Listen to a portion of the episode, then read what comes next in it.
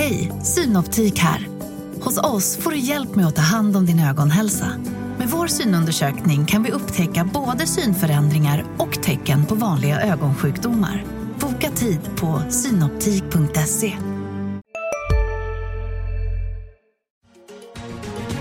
Makrorådet från Dagens Industri.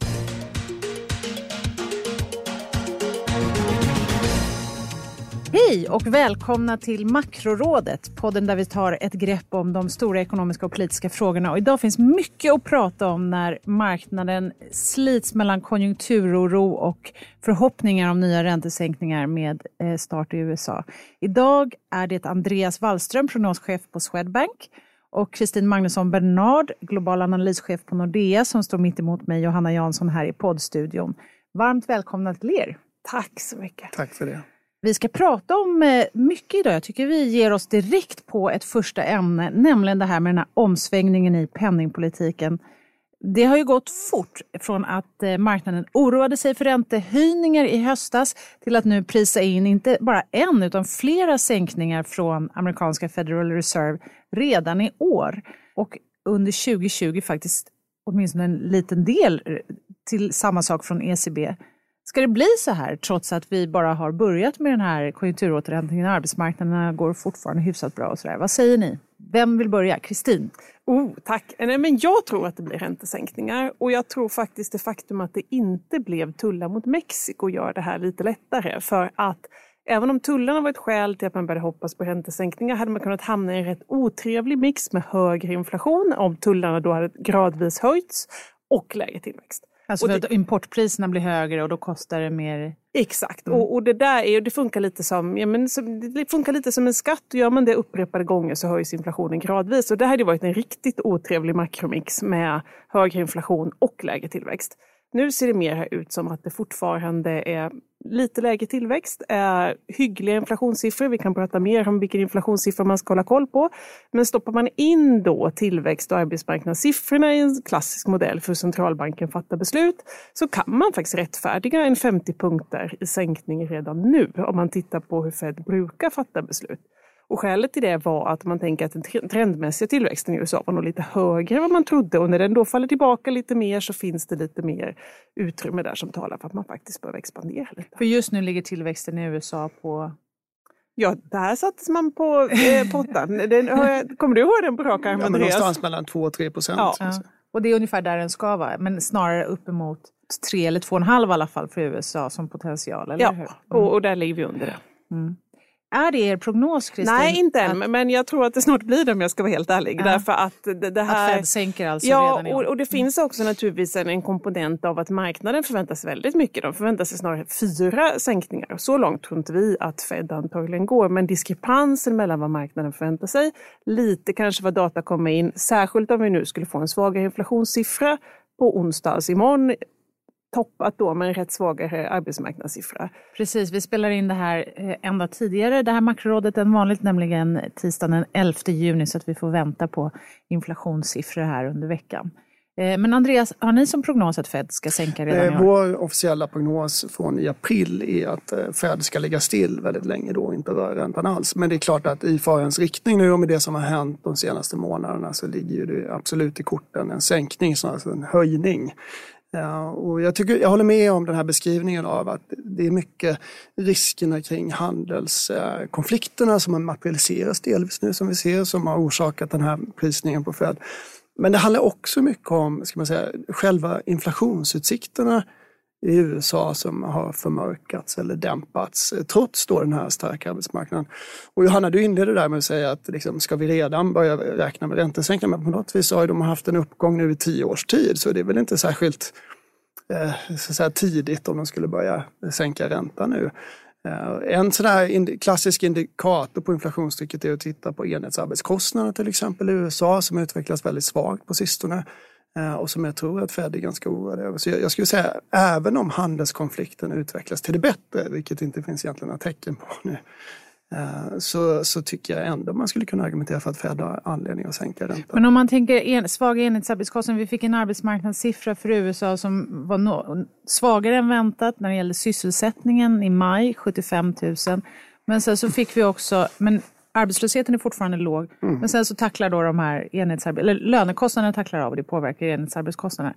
Mm. Är det inte ovanligt att det ser ut så här när arbetslösheten ändå är så låg? Tänker ni att det här ska bli liksom en räntesänkning som ska följas av fler eller ska det jo, vara någonting i förebyggande jo, syfte? Nej, men jag, jag, tror inte, men man måste komma ihåg här också Feds reaktionsfunktion, alltså vad de ser. De, de är väldigt tydliga med att de gärna skulle se, många ledamöter skulle se att man överskjuter målet. Eh, man skulle inte ha några problem om inflationen blir 2,5. Och nu är prognosen på väg under 2 procent. Och det är klart att Inflationsprognoserna? Ska, ja, mm. Eh, så varför ska man då inte sänka räntan? De har ju liksom en annan mjukhet jämfört med många andra centralbanker, till exempel ECB, att det, här, att det ska vara symmetriskt kring 2% och eftersom man nu har underskjutit då ett, ett antal år så ska man då tillåta och överskjuta helt enkelt. Ja, de har både en mjukhet och en tendens att vara mer framåtblickande och mm. särskilt just den här direktionen ligger väldigt långt fram jämfört med hur man brukar reagera. Så att de reagerar nästan på första tecknet istället för när då en nedgång har etablerats och är ganska tydlig för alla inblandade. Så de vill nog helt enkelt ligga lite mer före kurvan om man säger så. Men om vi hoppar över till ECB så fick vi snarast då lite motsatta signaler från ECB förra veckan. Man reviderar inte ner prognoserna, man talar om att osäkerheten har ökat och kommer stå längre men man behåller då sin forward guidance. Man gjorde hela marknaden besviken genom att tala om att räntorna ska ligga kvar på sin nuvarande nivå vilket uppfattades då som ett lite hökaktigt beslut. Och man kommer snåla likviditetsoperationer, alla detaljerna i det här. Så ECB ligger helt klart efter och då blir det ju rätt intressant om vi nu antar, eftersom både jag och Andreas verkar vara inne på spåret, att eh, Fed ändå börjat röra sig mot en eller ett par eller några stycken sänkningar. Vad gör ECB? Och jag tror ju inte ECB rör sig förrän euron förstärks. För det brukar vara en så klassisk tumregel att om euron förstärks med 5-10 procent då reviderar man ner inflationsprognosen med ungefär 0,1 procentenhet och då är det igång för, för ett räntesänkningscase då, även hos ECB. Vi som är intresserade av det, skulle kunna prata om det här ämnet eh, hur länge som helst, men jag känner att det du precis sa när det gäller växelkursen och annat för oss osökt in på ett andra ämne här i makrorådet, nämligen eh, hur växelkurserna påverkas i det här spelet. För vi, det, vi vet att den svenska kronan har gått väldigt svagt de senaste åren och det har gett upphov till en ganska intensiv kritik mot Riksbankens sätt att eh, bedriva penningpolitiken. Men så har vi haft statistik den senaste tiden som faktiskt skulle kunna visa att den här eh, svaga kronan gynnar oss också. Vi har haft ett uppsving för exporten. Andreas, du har noterat det här i olika sammanhang. Är det så mm. att vi nu får, en, får de positiva effekterna av kronförstärkningen och slipper den här negativa effekten av handelskriget som slår över världen? Nej, jag skulle verkligen inte våga säga att den svaga kronan eh, stöttar svensk ekonomi. Det är klart att det stöttar exportbolagen, men svensk export generellt sett styrs väldigt mycket mer av den efterfrågan som finns i omvärlden. Och det är helt sant att svensk exportvolym eh, nådde nya rekordnivåer under första kvartalet i år. Eh, men jag tror det handlar mycket om att det finns en stor efterfrågan på svenska produkter där ute. Sen är det såklart så att eh, exportbolagens marginaler gynnas ju av detta och vinsterna är goda och sådär. Men för ekonomin som helhet då, som du vet, så är det hushållen eh, som vi eh, lider av detta, framförallt om vi ska semestra utomlands i sommar. Eh, alla importörer belastas ju av detta också då. Man kan ju se på vinsterna inom detaljhandeln till exempel som är väldigt pressade. Då, så att att det skulle gynna svensk ekonomi i stort, det tycker jag är väldigt tveksamt. Det tycker jag inte man kan säga. Men samtidigt så ser man att eh, i Tyskland så har ju verkligen förtroendeindikatorerna vänt ner. Den tyska centralbanken räknar med bara 0,6 procents tillväxt i år och så där. Det är en av mm. våra viktigaste exportmarknader. Och sen blev det lite bättre än väntat då för svensk del under första kvartalet. Och det berodde delvis på en högre export men också på en lägre import. Kan inte det ha någonting med kronan att göra, Kristin? Nej, men dels får man ju säga att varuexporten gick faktiskt riktigt dåligt. Det är tjänsteexporten som gick bra och den har gått dåligt innan och att det nu går bra. Vi är ett ganska litet land. Tittar man till exempel på Ericssons orders och lägger det här tvärs över tjänsteexporten så får man en ganska tydlig korrelation. Ericsson, ja, Ericsson är numera ett tjänsteföretag. Ericsson är ett tjänsteföretag mm. och de finns, man hittar dem i lite olika kategorier hos SEB. Om man ska nörda loss i det här. Ericsson tjänar antagligen också på till exempel handelsoron eftersom Huawei då faktiskt kan förlora som, som kinesiskt bolag. Och det andra är faktiskt att det gör ju att turismen går jättebra. Så tittar man på en del svenska konsumtionssiffror som kom och rensar dem då för turismkomponenten så går konsumtion från inhemska hushåll, precis som Andreas var inne på, riktigt svagt. Så visst, det gynnar turismen och det kommer vi säkert se mer av nu under sommarsäsongen. Och sen har vi haft lite andra engångseffekter då i tjänsteexport. Så det är svårt att se de här gamla klassiska att en svag krona gynnar exporten i stort. Det var ju en tråkig historia, så då eh, får vi, eller kanske både och lite. Det blir, gör att Sverige ändå, vi, vi kan ta igen lite på det vi förlorar på gungorna kan vi ta igen lite på karusellerna, kan man se det så? Ja, det på, på turismsidan kan man ju se det här som, mm. som rekordnyheter. Det kommer både hit utländska turister och vi kanske stannar hemma under sommaren. Det är mm. miljövänligt, billigt och, mm. etc. Så att, mm. där kan vi se fantastiska siffror. Vi ska gå vidare till nästa punkt i programmet. Ni har med er varsin spaning, eh, någonting som ni vill eh, prata om och utveckla lite som, som någonting som påverkar makrosituationen längre fram.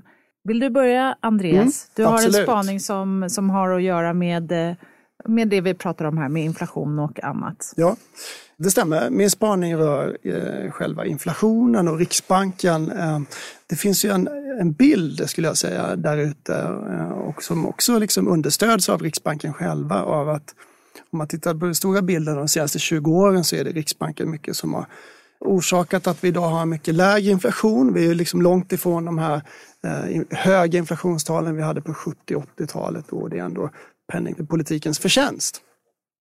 Eh, men då tycker jag att man måste kvalificera det här lite och ett enkelt sätt att titta på det här, vad som faktiskt har hänt, det är att jämföra inflationsutvecklingen i Sverige med den i Danmark och Finland. Därför att det är små nordiska öppna ekonomier det där också. Men de har ju som ni vet en helt annan penningpolitik. I Danmark så har man en fast växelkurs mot euron och i Finland så är man medlem i euron. Eh, om man tittar då på inflationsutvecklingen i de här länderna så under 70 och 80-talet så snittade inflationen i Sverige, i eh, Danmark och i Finland 8 procent. Eh, de senaste 20 åren med inflationsmål i Sverige då, så har den snittat 1,5 ganska exakt i alla de här tre länderna. Så är det då Riksbankens förtjänst att vi har den här låga inflationen. Eh, min hypotes är eh, med stöd av den här datan då, att det snarast handlar om eh, inflationsmålspolitiken i Europa i stort. Och det är ECBs förtjänst och Feds förtjänst att vi har den låga inflationen. Men man kan inte utesluta att inte ens de har lyckats styra inflationen utan att det är andra sekulära krafter, må det vara digitalisering eller eh, demografi, som har tryckt ner inflationen. Men därför skulle jag säga att det är en felaktig bild att säga att det är Riksbankens förtjänst att vi idag har en inflation på 1,5-2 procent eh, och att den eh, inte är så hög och volatil som den var då på 70-80-talet. För då var inflationen verkligen ett problem. Den kunde hoppa från 5-10 procent och lönetillväxten, man visste inte var den skulle hamna. Det är klart att det är svårt i den här miljön att göra en budget till exempel som företagare. Men idag om inflationen är 1,5 eller 2 procent, det är ingen stor sak. Men spelar det ändå inte roll då, även om det kanske inte är specifikt Riksbanken, så är det ändå inflationsmålspolitiken som har bidragit troligtvis till att inflationen har sjunkit. Är, inte det, är det inte det man säger snarare än att det är Riksbanken? Jo, kanske. Det kan ju vara så. Men det är inte ens säkert att det är det. Det var det som var min poäng. Mm. Här med att det kan ju vara andra sekulära krafter, mm. digitalisering, globalisering som, som har gjort det här. Men jag, jag tror i och för sig att centralbankspolitiken i stort har betydelse för inflationen. Men min poäng är väl snarast att i ett sånt litet öppet land som Sverige så vi styrs snarast av den inflationsmålspolitik som har varit i Europa i stort och inte eh, av Riksbanken. Mm. Vill du säga tillägga? Nej, men jag tycker det är flera intressanta saker med den här spaningen. Det första gäller ju nivåerna. Att nivåerna under den här första perioden är så mycket högre än vad den är sen. Och det, det, jag tror att precis som Andreas är inne på så handlar det både om att man har varit väldigt lyckosam i att eh, stabilisera inflationen på en lägre nivå men också att det finns en massa andra saker som pågår som har pressat ner inflationen. Och drar man ut den där tanken lite till, till, till, sin, till sin naturliga förlängning så säger man ju någonstans att inflation bestäms ganska mycket globalt men konjunkturen kan, för det hade vi gjort samma övning och tittat på konjunkturcykler så hade det inte alls varit lika synkat i alla de här ekonomierna. Och det säger ju någonstans att okej, okay, vi har lyckats, men nu när vi har lyckats, ska vi fortsätta fokusera så himla mycket på inflationen då? För det, det säger ju någonstans att dels kanske det inte riktigt är så att man kan påverka det så mycket lokalt om man då inte till exempel väljer att försvaga växelkursen som vi har pratat om tidigare.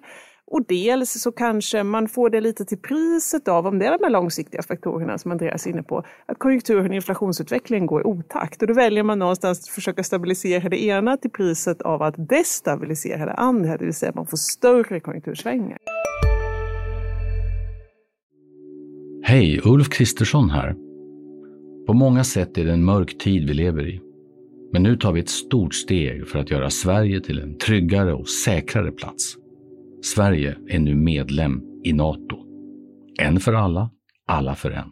Har du också valt att bli egen? Då är det viktigt att skaffa en bra företagsförsäkring. Hos oss är alla småföretag stora och inga frågor för små. Swedeas företagsförsäkring är anpassad för mindre företag och täcker även sånt som din hemförsäkring inte täcker. Gå in på swedea.se företag och jämför själv.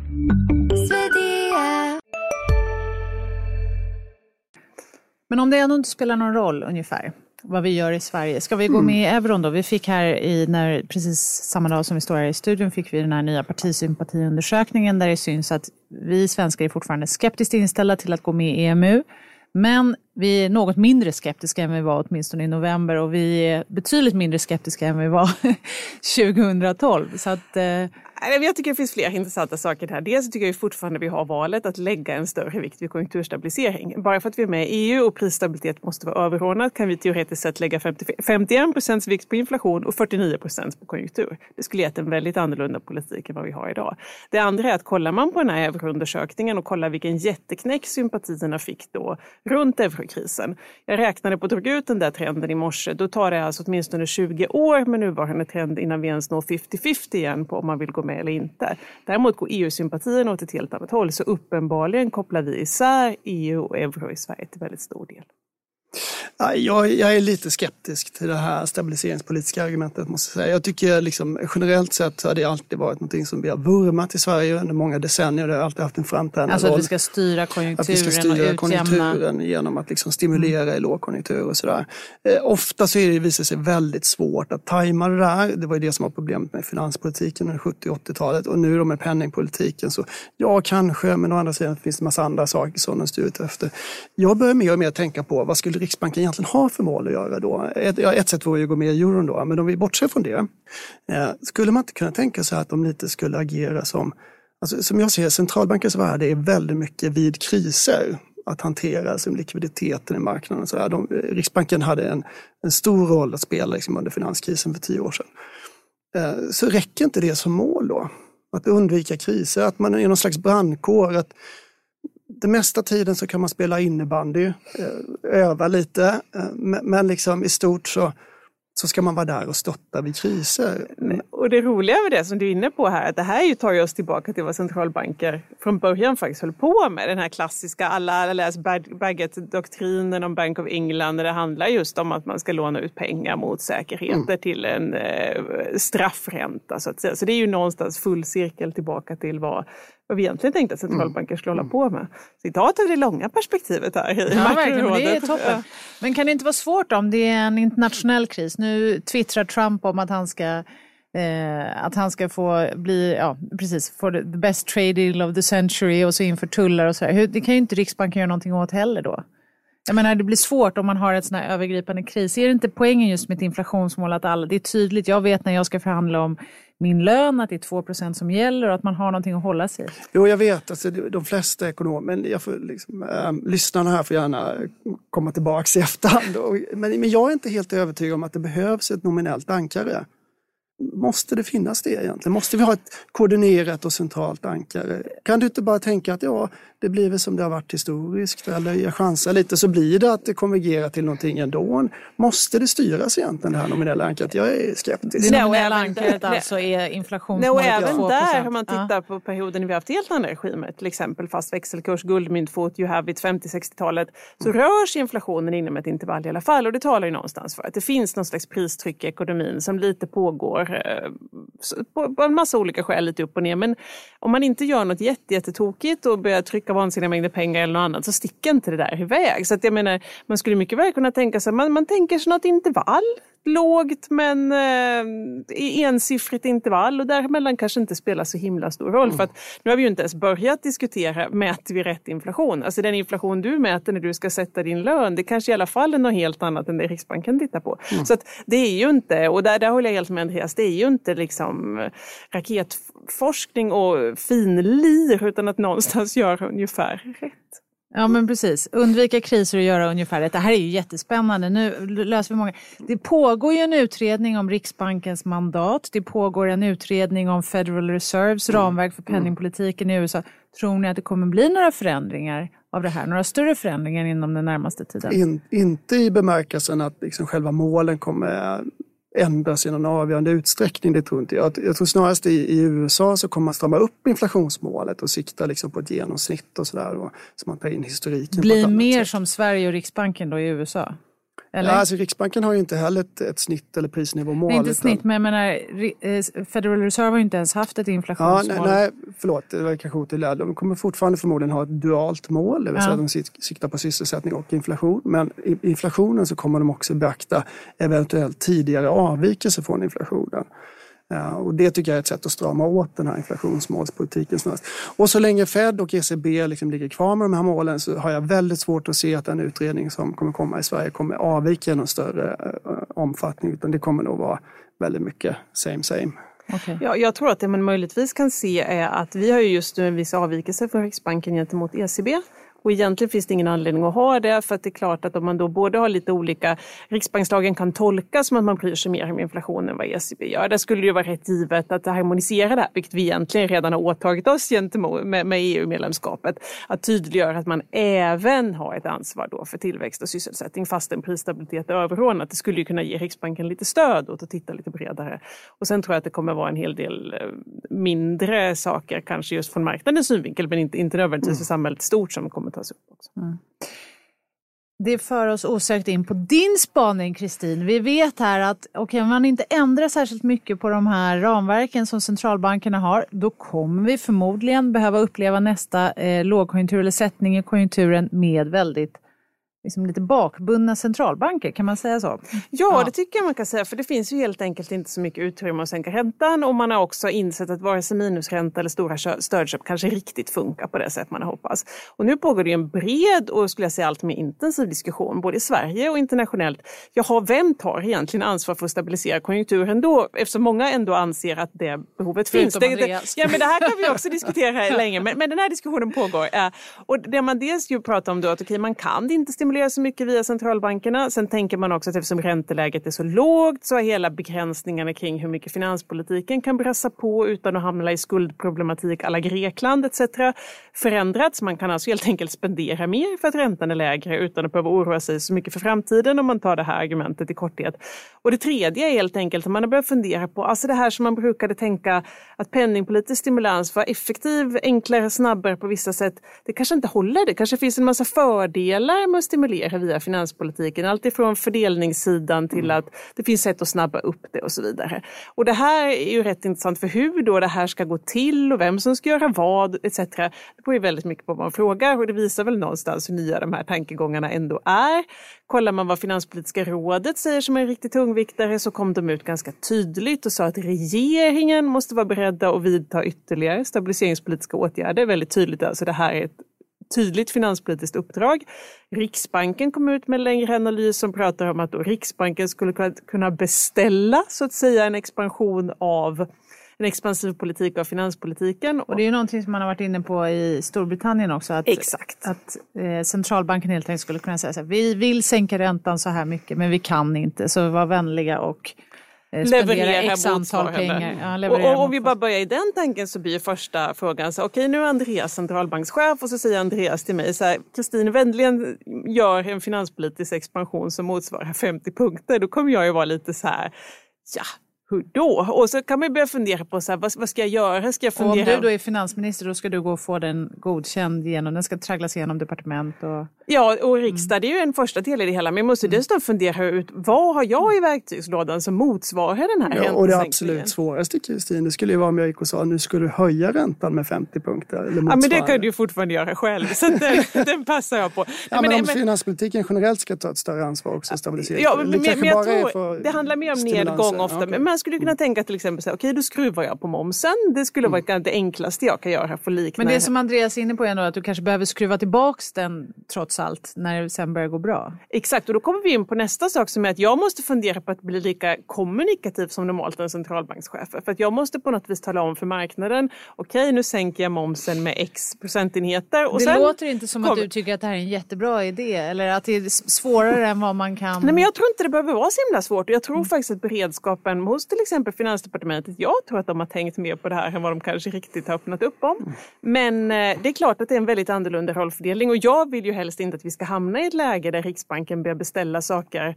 Vi har, vi har redan lite den situationen med makrotillsynen där ju Finansinspektionen har det här mandatet och Riksbanken lite hamnat i ett läge där man påpekar väldigt mycket vad andra politikområden borde göra. Mm. Skulle vi hamna i det med finanspolitiken också skulle jag tycka att det var rätt olyckligt. Vad säger du mm. Andreas? Mm. Du har ju redan flaggat för att du tycker att man inte ska fokusera för mycket på stabiliseringspolitiska åtgärder. Mm. Men om det nu ändå är kris, vi vet att det mm. kostar mycket med högre arbetslöshet. Vad är...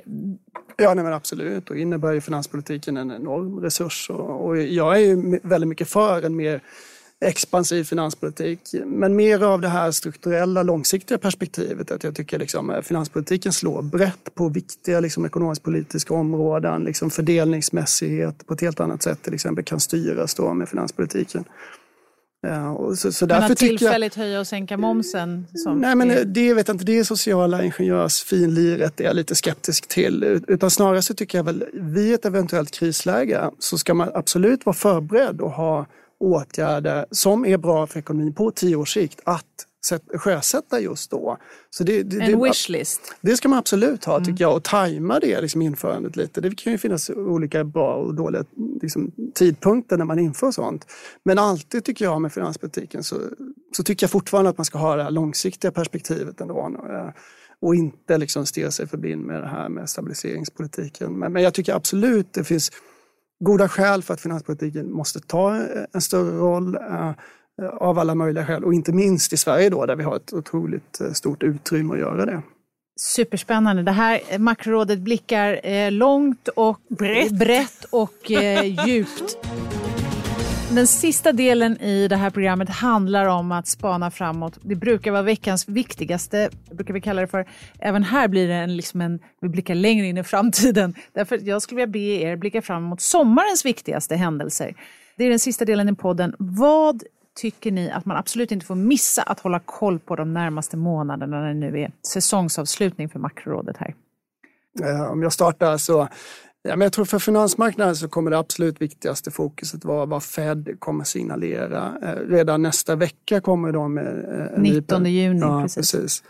Även om det väl egentligen är få ekonomer så tror jag att de eh, faktiskt kommer sänka räntan redan då. Det är redan ganska mycket prissatt för det förvisso, så det kan absolut inte uteslutas. Men eh, så kommer de kanske kunna signalera att framöver så kommer vi faktiskt sänka räntan då på, på ett eller annat sätt. Det kommer ju vara en jättestor sak. Eller om de inte gör det utan de signalerar att nej, nej, vi ska ha en lång paus här bara. Så kommer det också vara väldigt viktigt. Så jag skulle säga, för finansmarknaden så är Feds liksom kommande möten väldigt, väldigt viktiga.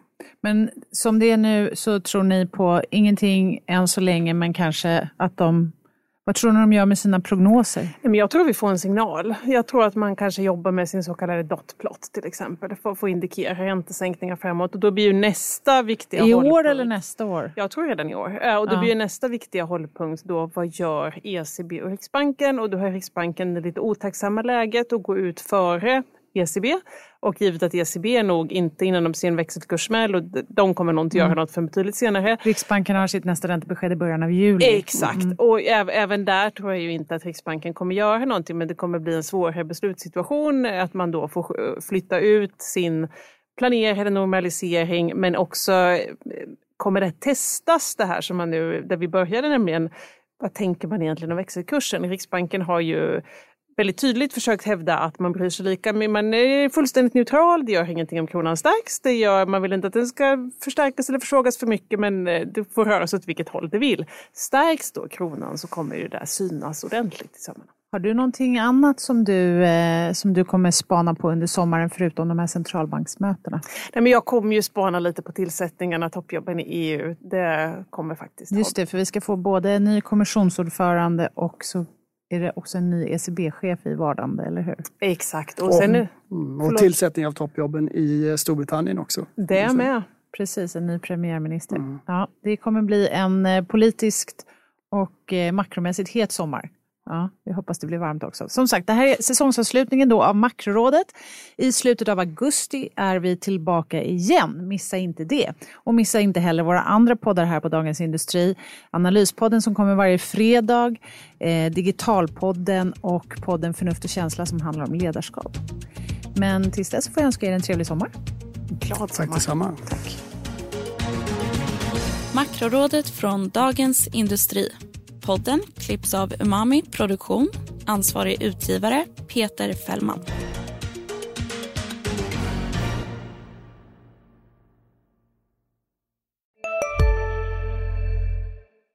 Hej, Susanne Axel här. När du gör som jag och listar dig på en av Krys vårdcentraler får du en fast läkarkontakt som kan din sjukdomshistoria.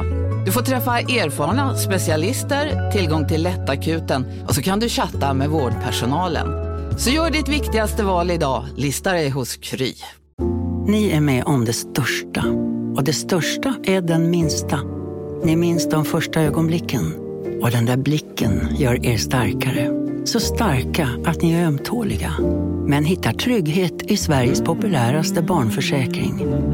Trygg Hansa. Trygghet för livet.